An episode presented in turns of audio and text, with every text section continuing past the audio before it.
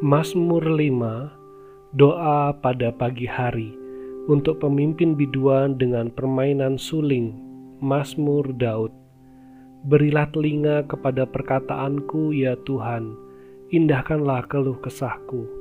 Perhatikanlah teriakku minta tolong ya Rajaku dan Allahku sebab kepadamulah aku berdoa. Tuhan pada waktu pagi engkau mendengar seruanku pada waktu pagi aku mengatur persembahan bagimu dan aku menunggu-nunggu. Sebab engkau bukanlah Allah yang berkenan kepada kefasikan. Orang jahat tak akan menumpang padamu. Pembual tidak akan tahan di depan matamu. Engkau membenci semua orang yang melakukan kejahatan. Engkau membinasakan orang-orang yang berkata bohong Tuhan jijik melihat penumpah darah dan penipu. Tetapi aku, berkat kasih setiamu yang besar, aku akan masuk ke dalam rumahmu, sujud menyembah ke arah baitmu yang kudus dengan takut akan engkau. Tuhan, tuntunlah aku dalam keadilanmu karena seterku, ratakanlah jalanmu di depanku.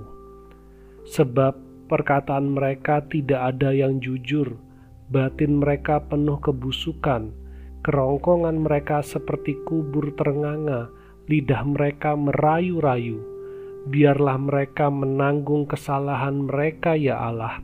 Biarlah mereka jatuh karena rancangannya sendiri. Buanglah mereka karena banyaknya pelanggaran mereka, sebab mereka memberontak terhadap Engkau.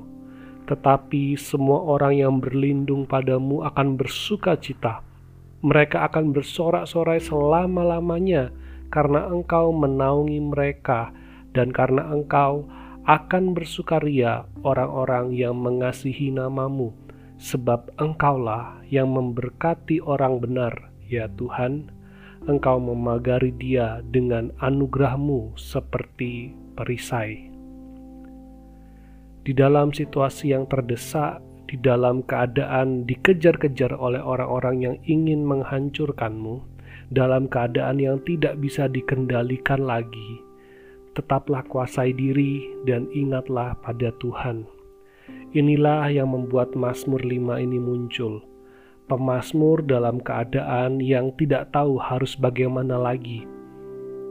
Ia dikejar-kejar, ia didesak dari sana dan sini, tetapi ia tetap mengingat akan Tuhan karena ia tahu betul bahwa Tuhan tidak akan membiarkan orang benar mengalami ketidakadilan. Ayat 2 sampai 4 menunjukkan bagaimana pemazmur datang kepada pribadi yang tepat, yaitu kepada Tuhan.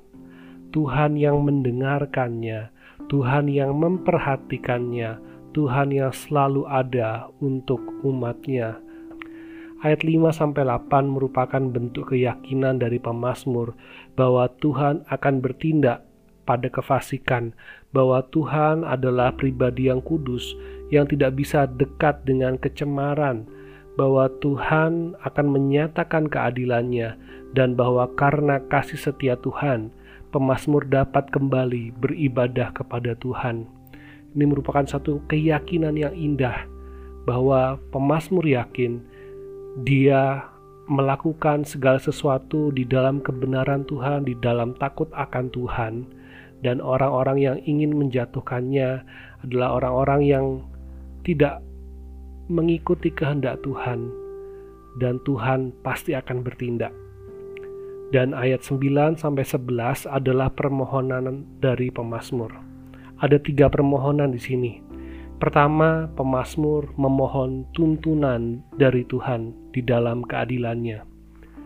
Permohonan kedua adalah tuntutan kepada mereka yang ingin mencelakakan pemazmur.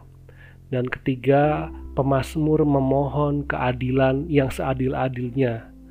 Biarlah Tuhan yang menyatakan kepada mereka orang-orang yang ingin menjatuhkan atau membunuh pemazmur. Dan Mazmur ini ditutup dengan pujian di ayat 12 dan 13 bahwa semua orang yang berada dalam perlindungan Tuhan akan bersuka cita karena anugerah Tuhan yang melingkupi umat pilihannya. Dari Mazmur ini, mari kita senantiasa mengingat akan Tuhan yang adalah pembebas kita. Ia membebaskan kita dari hukuman maut. Ia membebaskan kita dari ikatan dosa. Dan di dalam pergumulan-pergumulan yang kita hadapi, mari kita minta tuntunan dari Tuhan dalam keadilannya. Bahwa Tuhan tidak akan membiarkan ketidakadilan itu selama-lamanya. Bahwa ia akan menyatakan kebenarannya.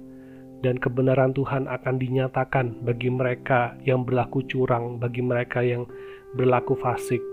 Dan orang benar akan menikmati sukacita di dalam Tuhan dan biarlah anugerah Tuhan itu akan menolong kita untuk kita boleh juga mengikatkan diri kita di dalam kebenaran Tuhan, mengikatkan diri kita untuk mau mengikuti hidup di dalam kehendaknya. Dan di dalam anugerah Tuhan kita akan menikmati sukacita dan ketenangan yang sejati. Biarlah ini menolong kita untuk menjalani aktivitas kita, dan menjalani pergumulan-pergumulan kita bersama dengan Tuhan. Selamat beraktivitas, selamat menjalani hari. Tuhan Yesus memberkati.